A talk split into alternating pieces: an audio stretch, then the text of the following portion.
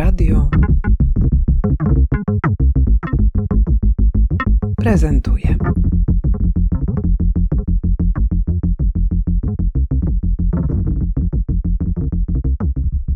Aleksandra Wasilkowska, architektka, y, prowadzę pracownię od prawie 20 już lat y, w Warszawie z krótkimi y, epizodami zagranicznymi. Prowadzę też działalność badawczą, publikuję też książki, zresztą wsparciem wspaniałej Fundacji Będzmiana niekiedy. Robię również scenografię, jestem też urbanistką ostatnio coraz częściej. Projektuję też domy, ogrody, ale przede wszystkim chyba jestem bazarówką i zajmuję się rewitalizacją polskich targowisk, ale też takim aktywizmem wokół nich, po to, żeby nie znikały, a wręcz przeciwnie, piękniały i były coraz bardziej e, wpisane jakby w kontekst miast.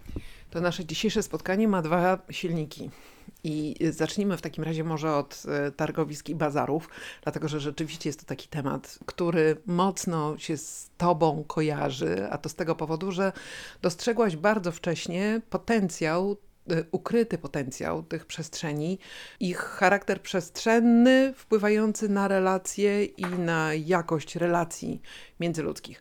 Powiedz, y, jakbyśmy zaczęły od początku, dlaczego właściwie ten temat wydał Ci się bliski? Czy to na bazie doświadczenia stadionu dziesięciolecia i jarmarku Europa, który tu w Warszawie był dla nas no wydaje mi się te 20 lat temu takim mocnym przeżyciem i doświadczeniem, zarówno no właśnie ym, zanurzenia w takiej gęstości interakcji międzyludzkich, jak i jednak wernakularnej architektury, jakiegoś takiego dol, oddolnego rozsądku, który tę przestrzeń porządkował. Jak to było? Tak, i też super ciekawej ekonomii, w ogóle mikroprzedsiębiorczości, która jest z tym związana, ale tak. Y to się faktycznie nałożyło z dyplomem, stadion e, dziesięciolecia, o którym wspomniałaś i plac Defilat też, na którym był, były słynne szczęki, a później hale KDT.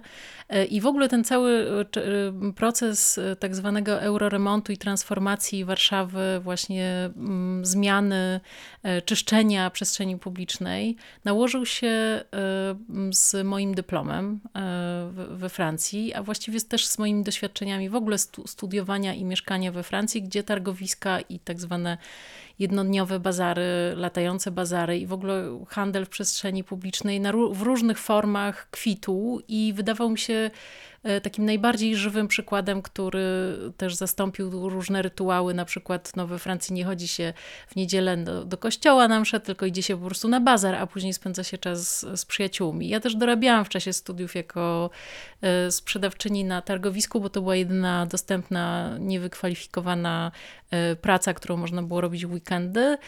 I robiłam to na targowisku, które było pod moim domem, obok mojej szkoły i po tym targowisku myłam paznokcie i szłam e, z przyjaciółmi na wino w kawiarni obok. I to mi się wydawało w ogóle cudownym pomysłem. To znaczy, że w ogóle nie można inaczej, nie ma lepszego pomysłu na ożywienie miasta niż e, e, bazar. I oczywiście później dopiero, czyli takie najpierw fizyczne, czysto cielesne doświadczenie, z którego później zaczęły oczywiście jakieś bardziej intelektualne twory pączkować i zaczęłam pod różnymi kątami to analizować, między innymi tego, że faktycznie Warszawa, że to jest w pewnym sensie jakaś teraz walka się odbywa. To były lata 2000, początki lat 2000, końcówka lat 90.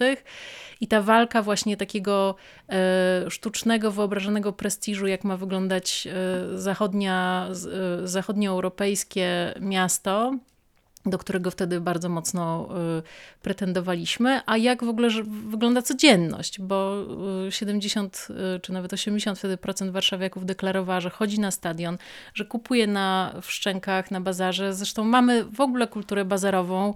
Kiedyś można było tylko w szarej strefie w ogóle cokolwiek kupić, jeżeli się nie miało dolarów, więc jakby mm, mm, to wszystko doprowadziło mnie do tego, że bardzo mocno zaczęłam się tym zajmować zajmować.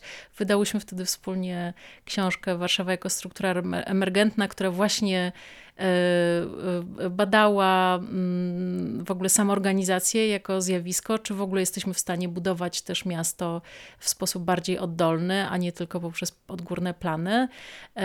I, a później jeszcze nałożyło się na to moje też takie doświadczenie macierzyństwa i tego, że po prostu nie byłam w stanie kupować nigdzie świeżych warzyw i owoców i tanich rzeczy, bo byłam wtedy nie, niebogatą osobą. I, I to wszystko się złożyło na to, na to że później Warszawa jako struktura emergentna, później y, architektura cienia, pierwszy tom, drugi tom o toaletach, badanie też w ogóle targowisk, pomaganie kupcom. Y, w którymś momencie było tak, że już właściwie nie było miesiąca, w którym nie dostałam telefonu od jakichś kupców, żeby im pomagać, wpisać ich bazar, uratować przed likwidacją albo wpisać do jakiegoś planu miejscowego, albo pośredniczyć w negocjacjach pomiędzy miastem a, a kupcami. Zajmowałam się bazarem Różyckiego przez parę lat, konsultacjami i przez no, 10 lat e, właściwie zajmowałam się tym bardzo mocno teoretycznie. No, mój dyplom notabene też e, odwoływał się do tego, jakby był takim postulatem zachowania bazaru na, na placu defilat i połączenia go z tymi funkcjami prestiżowymi, czyli jakby połączenie pałacu i podgrodzia, połączenia prestiżu i tej oddolnego, oddolnej codzienności. E, utopijne notabene.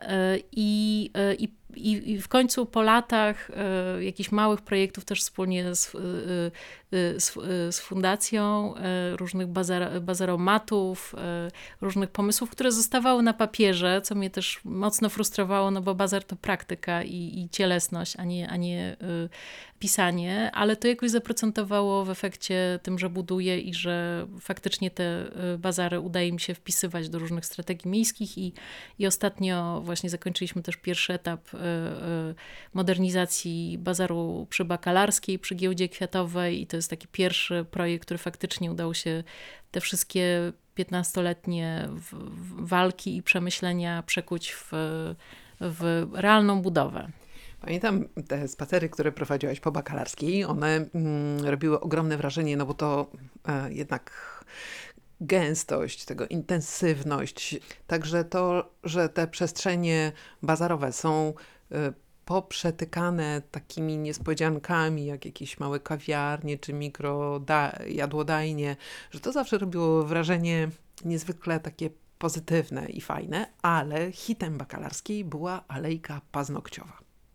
No i rozumiem, że na tej bazie też urósł ten projekt, który jest pierwszym powodem, dla którego się dzisiaj spotykamy. Co to? Tak, no faktycznie naj, naj, naj, najbardziej niesamowitym miejscem na bakalarskiej jest jest oddolnie powstała Aleja Pazurów. Jak wiadomo, Wietnamczycy są w ogóle specjalistami, to na całym świecie, nie tylko w Polsce, ostatnio w biznesie paznokciowym nail artowym tak zwanym i dowiedziałam się ostatnio niesamowitej historii, a mianowicie w jaki sposób w ogóle Wietnamczycy zaczęli się zajmować manikurem i okazało się, że po wojnie wielką aktywistką w Stanach, zajmującą się mniejszością też, która wyemigrowała do Stanów tymi wszystkimi programami, w związku z programami socjalnymi, była e, Tippi Hedren, która grała m.in. u Hitchcocka, aktorka, gwiazda, E, która postanowiła swoich przyjaciół Wietnamczyków nauczyć manikuru i założyła szkołę dla 20 kobiet, żeby przyuczyć ich zawodu. I w ten sposób te 20 kobiet, dzisiejsze biznesy w Stanach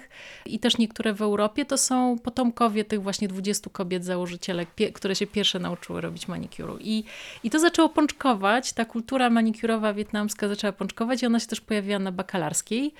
I jest tam ponad 30 pawilonów, w których e, jest i manicure, i pedicure i różne e, powstają artefakty związane z, z paznokciami. Cudownym, takim queerowym wydarzeniem tego miejsca jest to, że większość manikurzystów to są piękni wietnamscy e, młodzianie, którzy robią bardzo precyzyjnie, z taką zegarmistrzowską precyzją paznokcie no, paniom różnym. I to jest obrazek fantastyczny. I to, to miejsce w ogóle jest takim już legendą właściwie, y, które zostało zupełnie jakby powstało zupełnie oddolnie. Kręcone jest tam masę filmów, od art house'u po jakieś popowe e, teledyski. Y, I w związku z tym, że zajmowałam się przez 5 lat bakalarską jako architektka, postanowiłam we wrześniu kuratorować wystawę pod tytułem Pazury i zaprosiłam do niej prawie 20 artystów, którzy swoje prace będą właśnie w tym bardzo zabawnym mikroformacie pokazywać na targowisku, czyli sztuka współczesna na paznokciach. I to będzie prawdopodobnie jedna chyba z pierwszych na świecie w ogóle wystaw sztuki współczesnej właśnie na, na, na paznokciach. Co jest ciekawe też, będąc rok temu na wykładzie Lwa Manowicza po wernisażu e, wystawy Janka Simona w Centrum Sztuki Współczesnej, Lew Panowicz tam przez godzinę opowiadał o sztuce współczesnej, jakby analizie nowych mediów, to co powstaje w internecie, o sztuce tak zwanej algorytmicznej, czy w ogóle jak sztuczna inteligencja ma wpływ na, na sztukę dzisiaj. I na koniec powiedział, że to wszystko oczywiście go zajmowało bardzo mocno przez ostatnie 20 lat, ale właściwie resztę życia chciałby poświęcić analizie nail artu. E, e, I pokazał właśnie miliony paznokci i tych form oddolnie wyłaniającej się sztuki, która jest właśnie, za, którą teraz media społecznościowe są zalane. I faktycznie ja właściwie zaczęłam się tym interesować od niedawna, ale e, Instagram, czy TikTok, czy wszystkie media społecznościowe są zalane właśnie tą oddolną sztuką i jest to fascynujące też w kontekście jakby w ogóle tego, jak się, e, jak e, przepływają pewne idee, jak w, jak w ogóle społeczności, czy kultura się w ogóle samoorganizuje, jak, jak już zaciera się pojedyncze autorstwo i jak prace powstają w sposób taki właśnie z, takiego autora, autorstwa zbiorowego. W wystawie biorą udział artyści, którzy w jakiś sposób właśnie zajmują się sztuczną inteligencją albo wielokulturowością, bo bakalarska to jest takie miejsce, w których nie tylko są Wietnamczycy, ale też 25 innych różnych mniejszości. I w projekcie też biorą udział e, Slaven Tatars, którzy się zajmują właśnie analizowaniem tych mostów, czy relacji pomiędzy sztuką, pomiędzy Europą a Azją, e, czy Agnieszka Kurant, która zajmuje się właśnie e, kolektywnym wytwarzaniem sztuki, e, czy świetna praca też Janka Simona o syntetycznego Polaka. Właśnie Janek stworzył taką postać, portret idealnego Polaka, czyli Polaka, który jest po prostu złożony z miliona selfie różnych, różnych też etnicznych korzeni. E, ale też młodzi artyści, którzy są z Nigerii, e, czy Ukrainy, czy Białorusi, e, czy Wietnamu, czy Chin. Też jak sami artyści też odzwierciedlają w jakiś sposób tą, tą wielokolorowość i złożoność samego, samego bazaru. No dobrze, ale ta wystawa będzie prezentowana na bazarze, na bakalarskiej. Jak to zostanie urządzone? Cała wystawa nie jest biletowana. To jest jakby w pewnym sensie nasze wzmocnienie manikiurzystów, kupców lokalnych. My im dajemy swoje projekty, swoje prace w ramach jakby daru i oni je malują, przemalowują e, w swoich pawilonach. Tych pawilonów jest 20, każdy jak na, pra, na, na prawilnym biennale, każdy artysta ma swój pawilon i tam jego praca jest przez manikiurzystę ma, malowana, więc raczej to będzie trudne, żeby chyba, że będziesz chciała zapłacić 20 razy manikiur. Ten manikiur tam jest dużo tańszy niż, niż w centrum, więc e, ale też jakby ten, e, ta ekonomia też ma być em, emancypacyjna, więc trochę taka strategia ręce Martensa, że te pieniądze zostają po prostu tam. Nie, nie, nie sprzedajemy biletów, po prostu płacimy manikiurzystom za ich pracę i płacimy taką cenę, którą oni wyznaczają za tą, e, za tą pracę, którą oni będą najlepiej wiedzieli, na jakim poziomie ją ustawić, więc będzie to między pewnie, podejrzewam, standardowy manikur tam kosztuje chyba 35 zł, a taki jakiś rynkowa cena 100 zł. E, myślę, że to będzie górna cena. Będzie jeden bardzo fajny też pawilon e, Ngo i Janny Warszy, który będzie polegał na tym, że po prostu robimy ten manikur, który sami manikurzyści tam proponują. To nie będzie jakby żadna praca, forma artystyczna. Natomiast samą pracą jest performance, czyli Ngo będzie opowiadał o między innymi o stadionie dziesięciolecia, będzie też film e, ze stadionu X, być może książka, e, ale też będzie opowiadał w ogóle o pracy i warunkach Wietnamczyków w Polsce. I to się zaczyna 25 września, to jest sobota, i wystawa będzie trwała około miesiąca, a później e, te prace po prostu rozproszą się w manikiurze i w e, tej ofercie, która jest, e, jest tam mm, zaproponowana przez samych manikiurzystów, więc pewnie te prace w jakiś sposób będą zmieniane, po prostu rozpłyną się w tamtej, w tamtej rzeczywistości. Nie ma żadnego finisa, finisażu, to jest taka niekończąca się historia. Być może praca, nie wiem, Janka Simona będzie jakoś schakowana jakimiś pięknymi brylantami albo naklejkami z łańcuszków. Także mam zgodę jakby artystów na to, że te, te prace się w jakiś sposób rozpłyną w tamtej rzeczywistości. Ale tak spoglądam na twoje paznokcie i one chyba na razie czekają. Tutaj żadnej ingerencji nie widzę. Tak, no jest to, jest to e, nail art to jest czysto intelektualna zajawka. Sama nie, nie, do tej pory nie byłam fanką w praktyce, po prostu nie robiłam sobie paznokci, ale na pewno ta wystawa wszystko zmieni. To był jeden bardzo ważny wątek, bo mm, mm, rzeczywiście jest to rzecz, która przez lata, tak jak mówiłaś, zajmowała cię i zawodowo, i wydaje mi się, że też emocjonalnie, uczuciowo, że ty jesteś po prostu bardzo wkręcona w tę e, tematykę związaną z, z przestrzenią bazaru, ale jednak czy w ogóle tej architektury cienia, to jest ten termin, którego użyłaś w swoich książkach, które pokazują właśnie niewielkie struktury architektoniczne, bardzo nam potrzebne do życia, które no nie są ani spektakularne, ani pierwszoplanowe, ani nie są e, gwiazdami naszych, e, naszych miast, ale bez nich nie można sobie wyobrazić po prostu wygodnego życia w, w mieście. Uczestniczysz w tym roku w festiwalu projektowania i architektury w przestrzeni publicznej w Logroño, w hiszpańskim mieście. Nie jest ono nieduże, to jest stolica regionu Rioja i wszyscy miłośnicy wina oczywiście od razu się tutaj ożywiają. Ale tam faktycznie od y, już kilku lat realizowany jest festiwal, który polega na prezentacji pawilonów w przestrzeniach publicznych.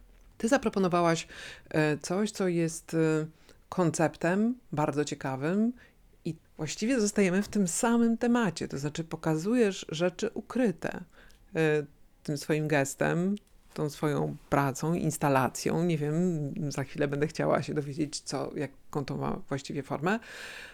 Pokazujesz właśnie treści, które pozostawały w cieniu. No i teraz opowiedz trochę więcej o tym, skąd ten koncept, który właściwie jest podsumowaniem już istniejących od kilku lat, narastającej takiej dyskusji dotyczącej tego, przez kogo architektura jest zdominowana.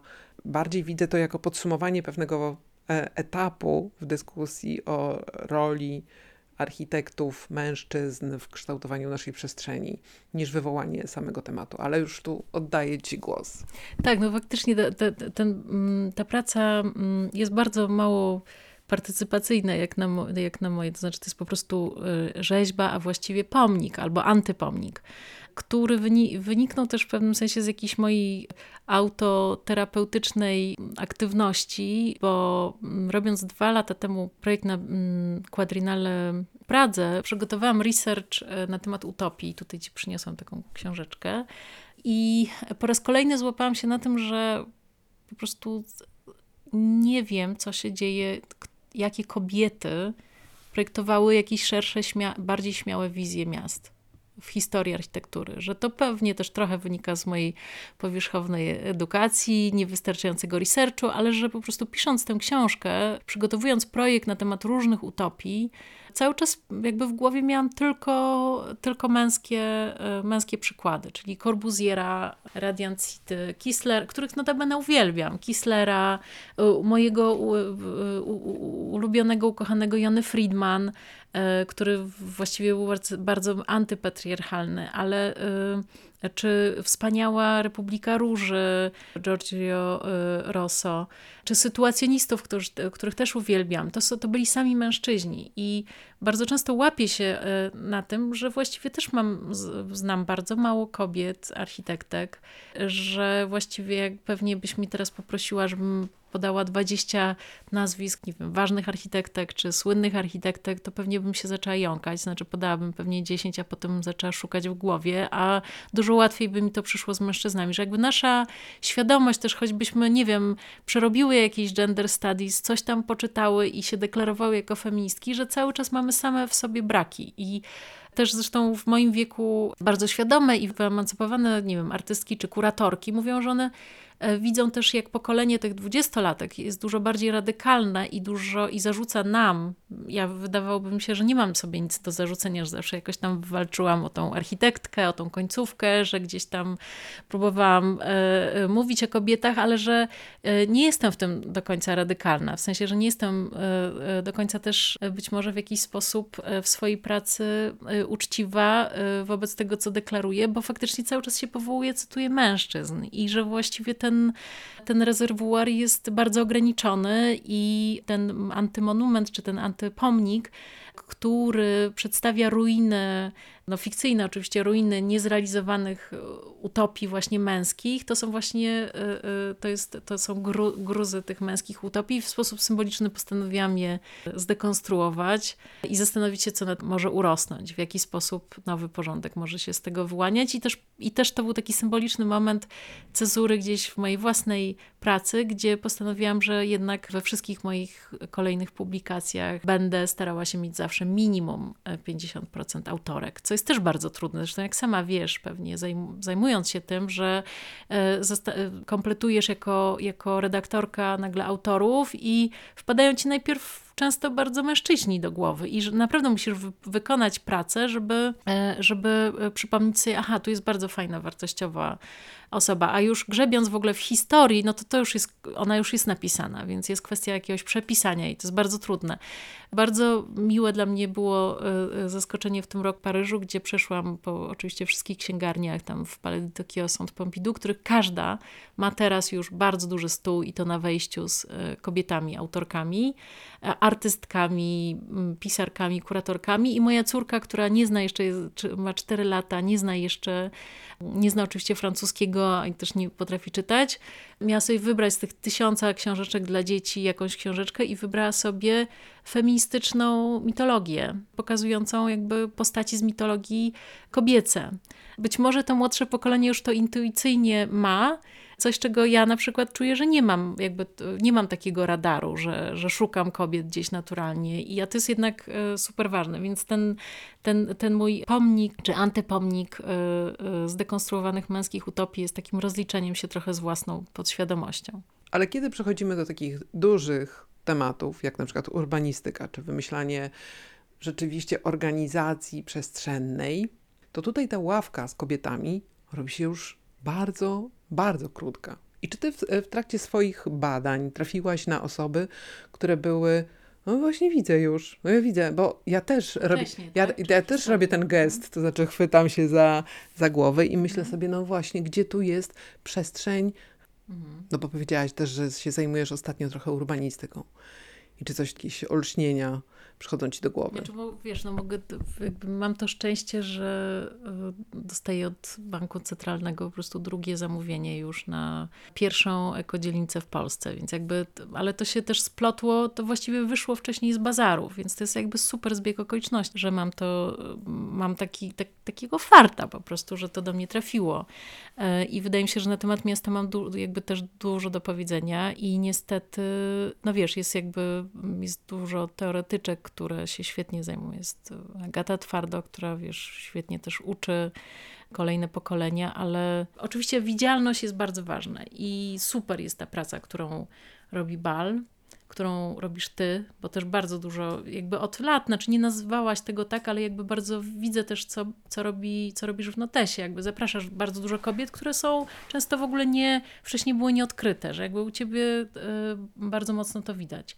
Ale co z tego? skoro tak naprawdę architektka, czy urbanistka, czy nawet architektka wnętrz, czy scenografka, czy artystka realizuje się przez budowanie, przez realizację. Ta widzialność jest ważna, to czyta nasze środowisko, to może gdzieś tam trafi do bardziej światłych urzędników, ale w efekcie, wiesz, no, yy, architektura E, jednak no, za, są zamówienia publiczne oczywiście, ale jest to jednak e, przez rynek bardzo mocno kształtowana dziedzina i co z tego, skoro żaden e, szanowany biznesmen nie zgłosi się do architektki, a szczególnie takiej, która jeszcze walczy o jakieś prawa kobiet, to na pewno w siebie w ten sposób nie uwiarygadnia, bo żadna emocjonalność w biznesie, jak, jak wiadomo, ani jakaś emancypacja nie jest mile widziana. Znaczy ta, ta walka o widzialność i o symbolikę i przypisywanie historii jest uważam kluczowa oczywiście do jakiejkolwiek zmiany, ale też kluczowe jest to, żeby po prostu zamówienia trafiały do kobiet. I we Francji, przepraszam, że po raz kolejny podaję ten przykład, ale to jest jedyne takie podwórko, które poza polskim znam lepiej jest coś takiego jak album młodych architektów, i w tym albumie się pojawiają kobiety, i każda gmina, robiąc jakieś tam zamówienia, konkursy zamknięte czy otwarte zamówień publicznych na jakieś tam budynki użyteczności publicznej, ma obowiązek zapraszać tych młodych ludzi, w tym kobiety. I ten parytet jest bardzo mocno trzymany w tym albumie. I dzięki temu te zamówienia trafiają po prostu do tych, archi y, tych architektek, bo choćbyśmy nie wiem jak długo, wiesz, pisali o, o tych kobietach, to ja nie wiem, czy to się tak do końca przekłada na to, żeby one faktycznie do ich biur trafiały zlecenia. I tutaj y, w tym sensie ja się kiedyś zastanawiałam, no okej, okay, jakby mam jakąś tam widzialność, rozpoznawalność już jakby w, w, kontekście bazarów, czy nie wiem, projektowania wystaw, czy... Ale co z tego, skoro nikt do mnie nie przychodzi, żebym zaprojektowała mieszkaniówkę? Dlaczego do mnie żaden prywatny inwestor nie przyjdzie, y, skoro już tak gdzieś jestem rozpoznawalna, żebym zaprojektowała jakiś budynek y, prywatny? I że często, nie wiem, artyści, dla których projektowałam mieszkania, jednak po domy zwracali się, mimo że byłam super kompetentna i byli zadowoleni z mojej pracy, zwracali się do, do mężczyzn. E, I jakby z czego to wynika? Jakby tu jest, zastanawiam się, to jest może do jakiejś rozmowy, właśnie dlaczego zamówienia nie trafiają do, do kobiet. E, bo to chyba nie tylko o widzialność chodzi. To znaczy, chodzi to o jakieś parametry, że być może, nie wiem, kobieta jest utożsamiana z, nie nawet nie, bo to, że jesteśmy kompetentne, to już chyba wszyscy wiedzą, ale być może z jakimś, jakąś, nie wiem, nieobliczalnością, y, czy zbyt właśnie, że te kobiety widzialne są za bardzo hi, może histeryczne. Y, y, ja miałam też takie doświadczenia jako tam trzydziestolatka, że przychodziłam na spotkania do gminy i przychodziłam ze swoim na przykład asystentem, który był na pierwszym roku. Nie miał pojęcia o projektowaniu, Natomiast e, burmistrz patrzył i rozmawiał z moim asystentem o 15 lat młodszym, a nie ze mną, nie wiedząc jeszcze do, do końca, kim my jesteśmy jakby w tym biurze. Więc to są takie rzeczy, że mężczyźni wolą rozmawiać z mężczyznami, a większość jednak na rynku tam powiedzmy nie badałam tego też, to jest może też ciekawe, kim są inwestorzy prywatni. To są w większości mężczyźni i oni po prostu wolą pracować z mężczyznami.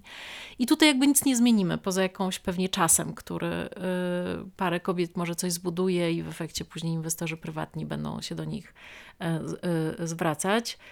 Oczywiście nie mówię tu o biurach, gdzie na froncie jakby stał albo stoi też partner, mężczyzna, bo to wtedy on jakby prowadzi te rozmowy z biznesem i, i, jakby załatwia te kontrakty. Natomiast jak kobieta jest sama, no to kto ma te kontrakty załatwiać? I ja myślę, że tutaj być może takim pomysłem które może wspólnie możemy jakoś forsować, to jest y, jakaś ustawa, że tak jak, nie wiem, Francja teraz wprowadziła, że drewno, 50 procent y, budynków użyteczności publicznej, czy w ogóle materiałów, to musi być drewno. Co jest też tam kwestionowane, dyskutowane i tak dalej. Ale jest taka ustawa w ramach tego Zielonego Ładu i zapisów w ogóle y, y, ustawodawstwa francuskiego. Być może takie prawo warto by było wprowadzić, żeby chociaż te 10% budynków użyteczności publicznej było projektowanych przez kobiety. Po prostu, zanim się to samo nie wyrówna i nie reguluje, dlatego że po prostu fajnie jest jakby znaleźć się, jakby mm, rozmawiać o tym, o końcówkach. Ja już mam trochę prawdę mówiąc, gdzieś końcówkę.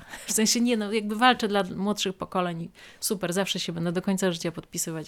Ja mam w moim interesie jest to, żeby do mnie po prostu do mojego biura przychodziły zamówienia, żeby przyszedł po prostu koleś i powiedział zlecam ci, e, zlecam ci mieszkaniówkę, bo super ją zaprojektujesz, bo, bo zaprojektujesz ją, dostosujesz ją, e, będzie e, dostosowana do różnych pokoleń, doskonale wiesz jak projektować kuchnię, wiesz jak się zajmować dziećmi. Ja nie mówię, że faceci tego nie wiedzą, ale jakby naprawdę mieszkania najlepiej, najlepiej projektują kobiety i ja zaprojektowałam 50 mieszkań. W związku z tym myślę, że mieszkaniówkę bym potrafiła świetnie zaprojektować. Jak patrzę na czasami e, w ogóle projekty mieszkaniówek, które wygrywają nawet konkursy, tam PFR i tak dalej, to mi się po prostu e, e, włos jeży na głowie, bo widzę, nie wiem, mieszkania 60-metrowe na jedną stronę, kuchnie, które są kompletnie nieergonomiczne i to jest projektowany budynek od, budynek od zewnątrz, środek jest właściwie whatever, żeby się zgadzało z warunkami technicznymi, ale wydaje mi się, że kluczowe w ogóle w tej całej emancypacji to jest znajdźmy sposób, żeby do kobiet architektek trafiały po prostu e, trafiały zlecenia. Wiesz co, na zakończenie, w takim razie wróćmy jeszcze raz na chwilę do Concentrico i do Logronio. Będziesz y, uczestniczyła w jakichś dyskusjach, w jakichś spotkaniach, czy tam przewidziane są jakieś dodatkowe elementy oprócz samej prezentacji Twojej pracy? Tak, no znaczy y, jeszcze to nie jest ustalone, ale mam zamiar odprawiać czary i przeczytać krótki manifest y, y, tak, rewolucji w architekturze, ale to będzie bardzo takie, ponieważ tam będzie bardzo dużo różnych poważnych osób, urzędników i to mam zamiar po prostu atmosferę koturnową przekwasić czarami i wy, jakimś wygłupem. Trzymamy za Ciebie mocno kciuki. Wszystkie nasze kciuki, jeszcze ciągle niepomalowane. Więc zapraszamy i na festiwal Concentrico i przede wszystkim na Biennale Pazurów. Tak jest.